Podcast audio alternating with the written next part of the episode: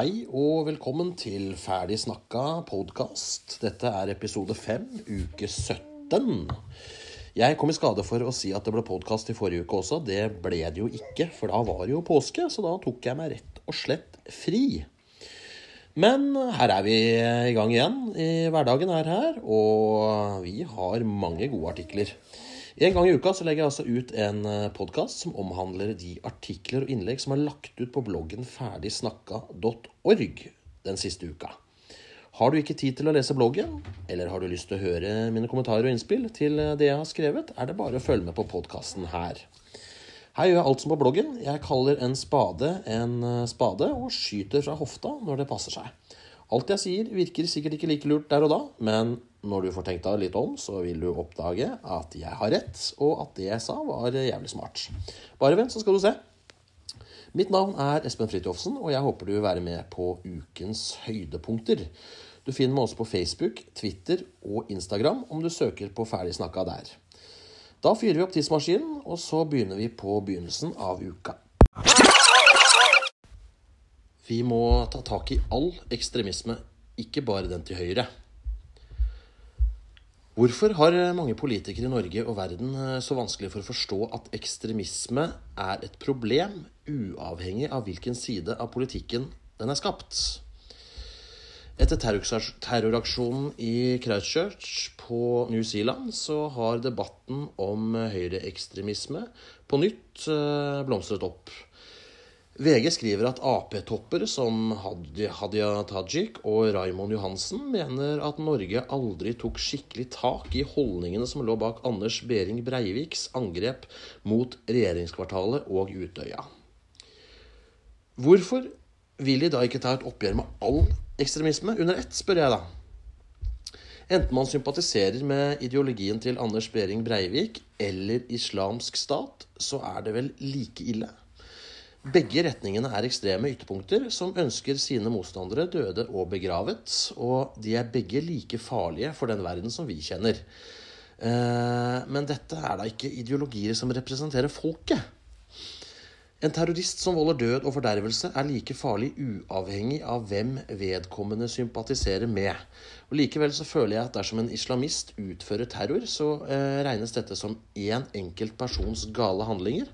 Mens gjør en høyreekstremist det samme, så skal noen da ha det til at han gjenspeiler holdningen til et helt folk. Sånn er det aldeles ikke. Jeg vil på ingen måte sammenlignes med Breivik bare fordi jeg er etnisk norsk. Selv om noen få sjeler sympatiserer med Anders Behring Breivik eller Brenton Tarrant, mannen bak terroraksjonen i Christchurch, så er dette to menn som handlet alene. Det var etter hva myndighetene og politiet har opplyst, ikke noe stort nettverk som sto bak dem. Derfor synes jeg det blir feil å skylde på generelle holdninger i samfunnet for, to, for det disse to galningene har gjort. Ekstreme holdninger går på tvers av samfunnet. Eh, ekstremisme er like ille om du er radikal venstre, høyre, muslim, kristen, buddhist eller jøde. Det er ondskap like ille uansett hvem du er, hvem du representerer eller hvem du tror på. Ekstremisme bør bekjempes under ett.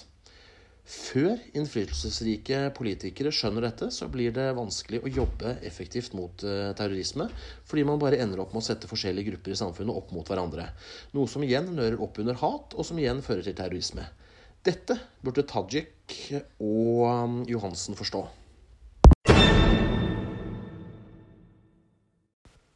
Så var det ukas MDG, da, dere. Jeg har egentlig ikke noe fast spalte med ukas MDG, men det skjer så mye rart på den fronten at det blir nesten en ukas MDG hver uke likevel. Nå er det motorsyklistene som takker MDG. Og da snakker jeg ikke om de motorsyklistene som kjører elektrisk motorsykkel. Jeg snakker om de motorsyklistene som kjører eh, motorsykler som har eh, motor på størrelse med en liten bil. Miljøpartiet De Grønne har fått nye venner. Motorsyklistene. De nye bomringer og, eh, nye bomringer og takster som har gått i været, har fått motorsykkelsalget til å eksplodere i Oslo-området. Grunnen er at motorsykler fortsatt vil slippe bomavgifter. Eier av KTM og Triumph forhandler AMD motorsykler, Geir Arnestad, ønsker ifølge Dagens Næringsliv faktisk å sende blomster til byråd Lan Marie Berg i MDG, som takk for at hun har tilrettelagt for et godt motorsykkelsalg. Jeg lurer på hva fru Berg ville sagt om en slik blomsterbukett.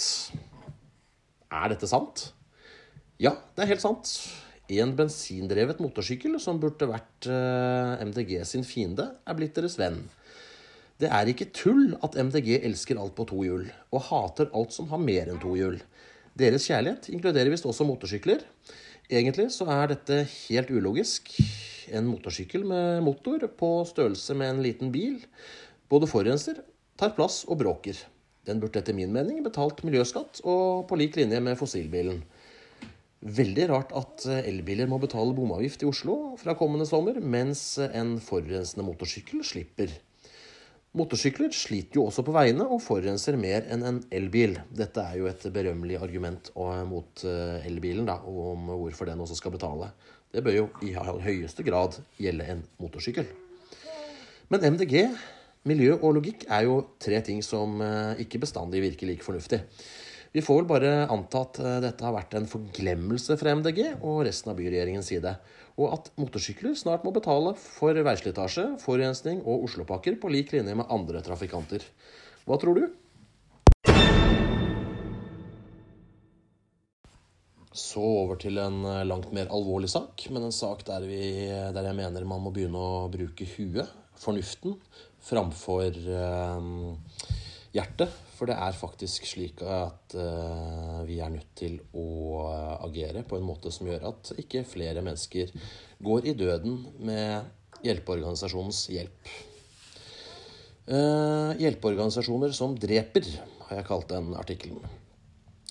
Å hjelpe båtflyktninger fører til enda flere båtflyktninger, som igjen skaper flere drukningsulykker, Derfor er de som hjelper båtflyktninger, medansvarlige for at flere drukner. Deres arbeid støtter organisert kriminalitet og menneskesmugling. Dette kan sammenlignes med å opprette sprøyterom der det ikke finnes narkomane, slik at eh, det blir enklere å sette sprøyter om noen skulle ønske dette. Dette kan sammenlignes med å gi penger til romfolk som tigger på gata, noe som indirekte støtter organisert kriminalitet. Vi er nødt til å se helheten. Vi har ikke vunnet i Lotto bare fordi vi er født i Norge.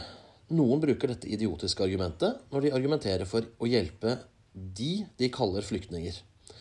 Storparten av disse menneskene er ikke flyktninger. Det er mennesker som søker lykken i Europa fordi de har blitt servert falske lovnader og forhåpninger om at de kan få det bedre og finne rikdom og lykke til seg selv og familien i Europa. Hvem har gitt, eh, hvem har gitt dem disse falske forhåpningene? Jo, det er kyniske menneskesmuglere som tar seg meget godt betalt og tjener seg rike på å sende dem ut på havet i dårlige farkoster som overhodet ikke er beregnet for en slik reise i åpen sjø. De gjør dette uten tanke på risikoen for at eh, de sender mennesker ut i en mulig drukningsdød. Samvittighet finnes ikke blant disse ondskapsfulle profitørene. Det mest surrealistiske med hele situasjonen er at de blir godt hjulpet av naive europeiske organisasjoner som tror de hjelper flyktninger i nød ved å fiske disse menneskene opp fra sjøen når de nærmer seg den europeiske kysten. Det de i virkeligheten gjør, er å sende et signal om at eh, du blir reddet om du drar. Noe som igjen fører til at enda flere tar sjansen. Terskelen senkes. Det er voksne mennesker som drar. De er selv ansvarlige for sine egne handlinger. Men disse organisasjonene er med på å lure dem til å tro at ferden er tryggere enn det den faktisk er. Problemet blir bare verre. Det Dette her blir en ond spiral, og disse såkalte hjelpeorganisasjonene kan faktisk regnes som medskyldige i at eh, så mange mennesker som ønsker å søke lykken i Europa, dør i tragiske drukningsulykker. Å kalle de hjelpeorganisasjoner er sterkt overdrevet.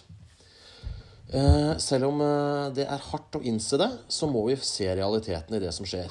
Vi er nødt til å åpne øynene og se at det humanitære arbeidet som utføres for å redde båtemigrantene, er nytteløst og fører til enda mer død og elendighet. Vi må innse at vi ikke løser problemet, men heller skaper et ved å holde på slik. Vi kan ikke hjelpe alle, og det er heller ikke noen grunn til å tro at alle som søker lykken, ikke har det bra nok der de kommer ifra. Det finnes flere former for lykke. Jeg vil påstå at det er stigmatiserende og nedverdigende mot store folkegrupper å si at de har det så forferdelig bare fordi de ikke har samme standard i dagliglivet som oss. Det er ikke norsk eller europeisk levemåte som setter standarden for hva som er bra, og hva som er, er et dårlig liv. En slik tenkemåte stammer fra imperialismen og hører hjemme i, en, i et annet årtusen.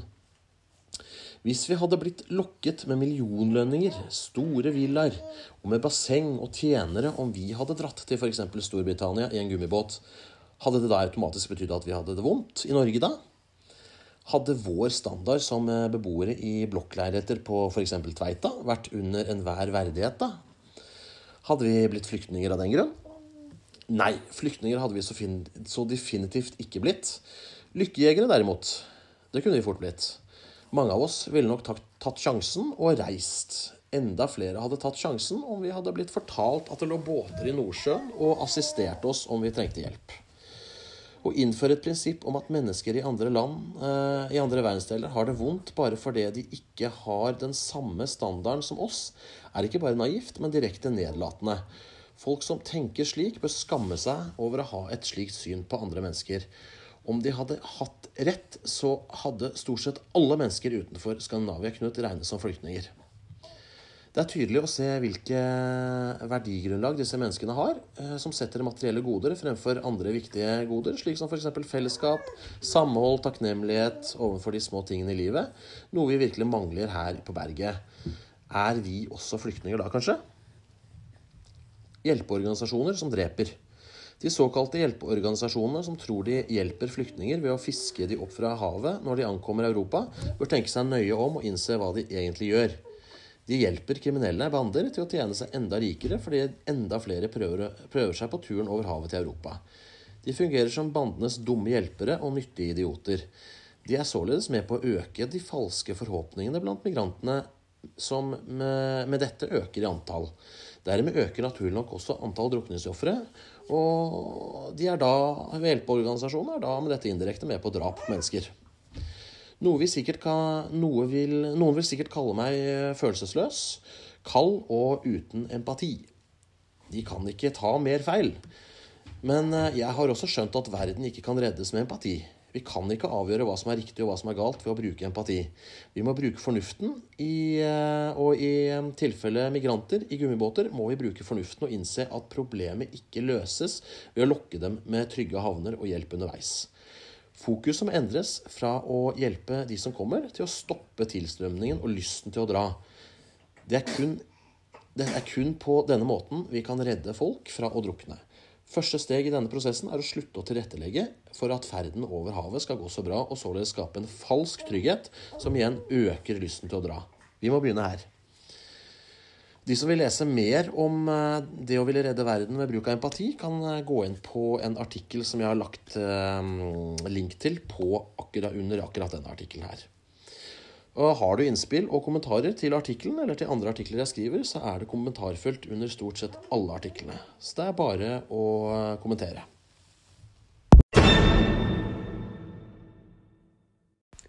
Er Høyre, Kristelig Folkeparti og Venstre for eh, sensur likevel? Er det likevel eh, politikerne som skal sette føringer for hva institusjoner som får statsstøtte, eh, skal mene? Det lurer jeg på.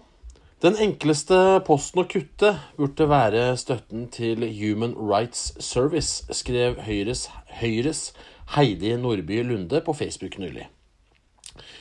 Det bidrar verken til å fremme demokrati eller å bygge ned konflikter, sier Lunde til Vårt Land. Hun får støtte av både Venstre og Kristelig Folkeparti. Skulle ikke politikere holde seg for gode til å mene om dette? Eh, vi har akkurat hatt en debatt der det blir rettet kraftig kritikk mot politikere som ønsker å kutte støtten til Blackbox-teater, etter deres stalking og snikfotografering av profilerte politikere og andre som, som, de mente var rasister, for så å vise bilder av husene deres i teaterstykket Ways of Seeing. Kritikken gikk ut på at, de, at det ikke var opp til politikerne å drive politisk sensur og på den måten påvirke hvem som skulle få støtte, og ikke ut ifra hvilket politisk ståsted de som fikk eh, statsstøtten, hadde. Mange av de samme politikerne som kritiserte, ønsker nå å kutte statsstøtten til HRS eh, pga. deres politisk ståsted. Jeg kan på ingen måte se at Blackbox bidrar til å fremme demokrati eller bygge ned konflikter. Tvert imot. Likevel var det helt uaktuelt å kutte støtten til disse. De fikk eh, til og med full politisk støtte av kulturminister Trine Skei Grande i jobben de gjorde. Hva er egentlig forskjellen på det å gi statlig støtte til Blackbox teater og det å gi statlig støtte til Human Rights Service? Det er jo to politiske motpoler, men de har begge livets rett eh, om vi skal eh, tolke de siste måneders debatt rundt ytringsfriheten og politisk innblanding.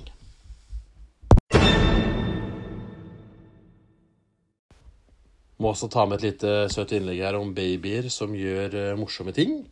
Uh, er du glad i videoer av små babyer som gjør morsomme ting, så uh, morsomme og rare ting, så må du gå inn på nettsida mi og se på det. her er et knippe av videoer av babyer som gjør nettopp dette. Det er bare å lene seg bakover, slappe av og nyte denne serien av videoer. Bare sånn kort innpå.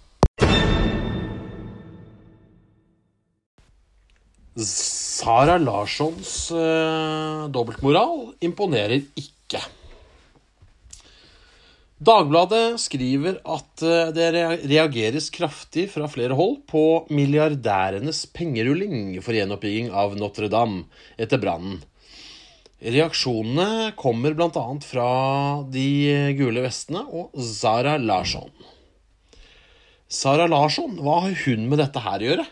Hun er jo en mangemillionær og artist som stikker nesa si frem overalt og prater som om hun ikke eier nåla i veggen, og som at hun er en forkjemper for de fattige. Skal du kritisere, så bør du selv bidra. Jeg har forståelse for at de gule vestene som eh, skal representere folket, reagerer på at milliardærer kan samle inn milliarder av kroner på kort tid til gjenoppbygging av en steinkirke, mens vanlige mennesker sliter mer og mer i hverdagen med å få endene til å møtes. Men at Sara Larsson skal kaste seg på denne bølgen, kan ikke være annet enn ren og skjær populisme. Larsson sin siste tweet eh, om at eh, der hun skriver at det er så morsomt hvordan milliardærene forenes og hoster opp hundrevis av millioner til Notre-Dame i løpet av få dager, mens folk fortsatt ikke har rent drikkevann.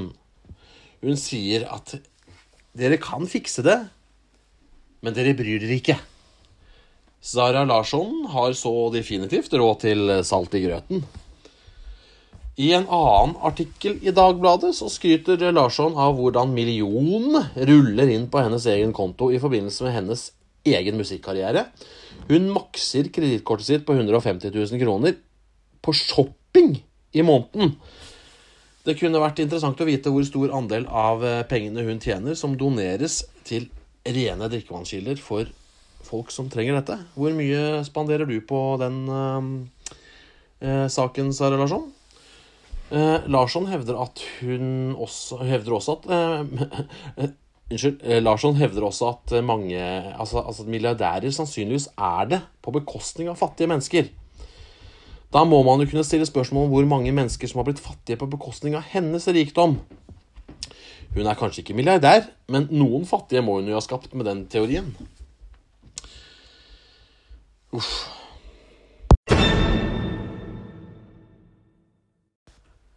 Det er flere mennesker som bør gå litt i seg selv her. Uh, møt politiske motstandere med debatt og ikke stigmatisering og beskyldninger om rasisme. Ivar Johansen, bypolitiker i SV, skriver i utrop og på sin egen blogg om ytringsfrihet og det å bekjempe det som anses som motbydelige og avskyelige synspunkter, og om hva som er innenfor og hva som er utenfor å mene. Han er klar på at motbydelige ytringer må møtes med mot, motytringer og ikke politi. Han skriver videre at det er når vi utsettes for ytringer vi ikke liker, at ytringsfriheten blir satt på prøve. Jeg ser at vi er enige i det meste her, ingen tvil om det, eh, så langt. Det er bare ett problem. Johansen går i den eh, berømmelige fordømmelsesfella, der han selv båslegger og stigmatiserer og forhåndsdømmer motstanderen, motstanderen istedenfor å debattere. Og da er vi jo like langt. Johansen skriver vi skal offensivt mobilisere mot rasismen. Da er virksomheter som Resett, Human Rights Service, eh, og ikke minst eh, regjeringspartiet Fremskrittspartiet den største trusselen. Der de nører opp under fremmedfrykten. Eh, hvem er det som egentlig nører opp under fremmedfrykten her, spør jeg da. Johansen gjør akkurat det samme som det han beskylder de nevnte politiske partier og organisasjoner for. Han stempler de som fremmedfiendtlige, rasister, og tillegger dem egenskaper og meninger etter sitt eget velbefinnende. Han har med dette allerede gjort seg opp en mening, og på generelt grunnlag, om at alle mennesker disse, tilknyttet disse organisasjonene. Og han legger med dette ballen død, og en debatt blir umulig å føre og, og, det blir umulig å føre, en, en, debatt blir umulig å føre siden han allerede har delt ut kortene med de riktige og de gale meningene. Johansen mener altså at um, Resett Human Rights Service og Frp er rasister, og de er en trussel. Uh, og når han mener det uten å ha snakket med dem, så har han jo allerede trukket en konklusjon, og da blir det vanskelig å, um, å debattere. Beklager, Ivar Johnsen, men det, her, men, her, mener jeg du opp, her nører du opp under den berømmelige fordømmelsen og intoleransen som bor i en del av befolkningen som hevder at de er de såkalte tolerante.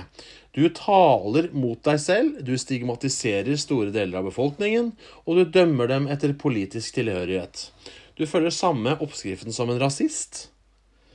Du slår hånden under ytringsfriheten ved å stemple meningsmotstandere på denne måten, uten å gjøre et forsøk på å føre en saklig debatt. Du har allerede gjort deg opp en mening. Dine meninger om ytringsfrihet blir da meningsløse. Og dine beskyldninger mot dine meningsmotstandere faller for sin egen urimelighet. I ditt innlegg er det du som ender opp som den som nører opp under fremmedfrykten. Frykten for de som ikke mener akkurat det samme som deg selv. Eh, de som i dine øyne er de onde, de bør vel kanskje forbys, da?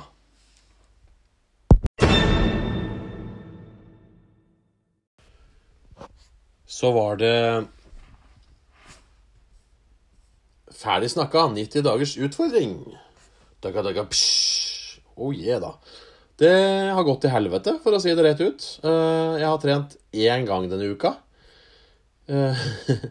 Eh, skulle trent minimum tre, men eh, jeg er jo bare et menneske, da. Så ting har skjedd, eh, ting har kommet til veien, og jeg føler jo nesten at jeg har sviktet i mitt, i mitt, i mitt mission. Men som sagt, jeg er bare et menneske, og jeg ser jo at hverdagen kan på en måte legge veldig mange kjepper i eh, hjulene i forhold til det å klare å nå et mål. Men jeg har på ingen måte gitt opp å nå målet. Jeg skylder noen kilometer i banken her. Eh, kilometerbanken. Eh, og jeg skal klare det. Og for de av dere som følger denne challengen min, så eh, er det bare å fortsette å gå inn på ferdigsnakka.org. Og så på den eh, fanen som heter 'Ferdig snakka 90 dagers utfordring' i resultatside, så ser dere hele tida oppdatert informasjon om hvordan det går. Eh, som sagt så går det ikke så ikke gått så jævlig bra denne uka her, men eh, Espen, skjerp deg! Full skjerpings. Jeg skal klare dette her. Og det er bare å følge med. Men uh, som sagt, det er greit å ta med både de negative og de positive sidene. Ikke bare drive med sånn uh, wow, heiarop og hei og hå. Men av og til så veit man jo det, at ting er uh, vanskelig å få til i praksis. Men jeg har på ingen måte gitt opp. Så vi kjører på.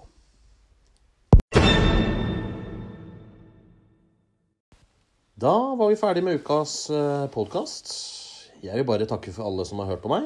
Denne podkasten kommer ut hver uke med nye interessante saker og vinklinger på disse. Husk bloggen min ferdigsnakka.org, samt at jeg også er på Facebook, Twitter og Instagram. Til neste gang, ha det bra så lenge. Peace out.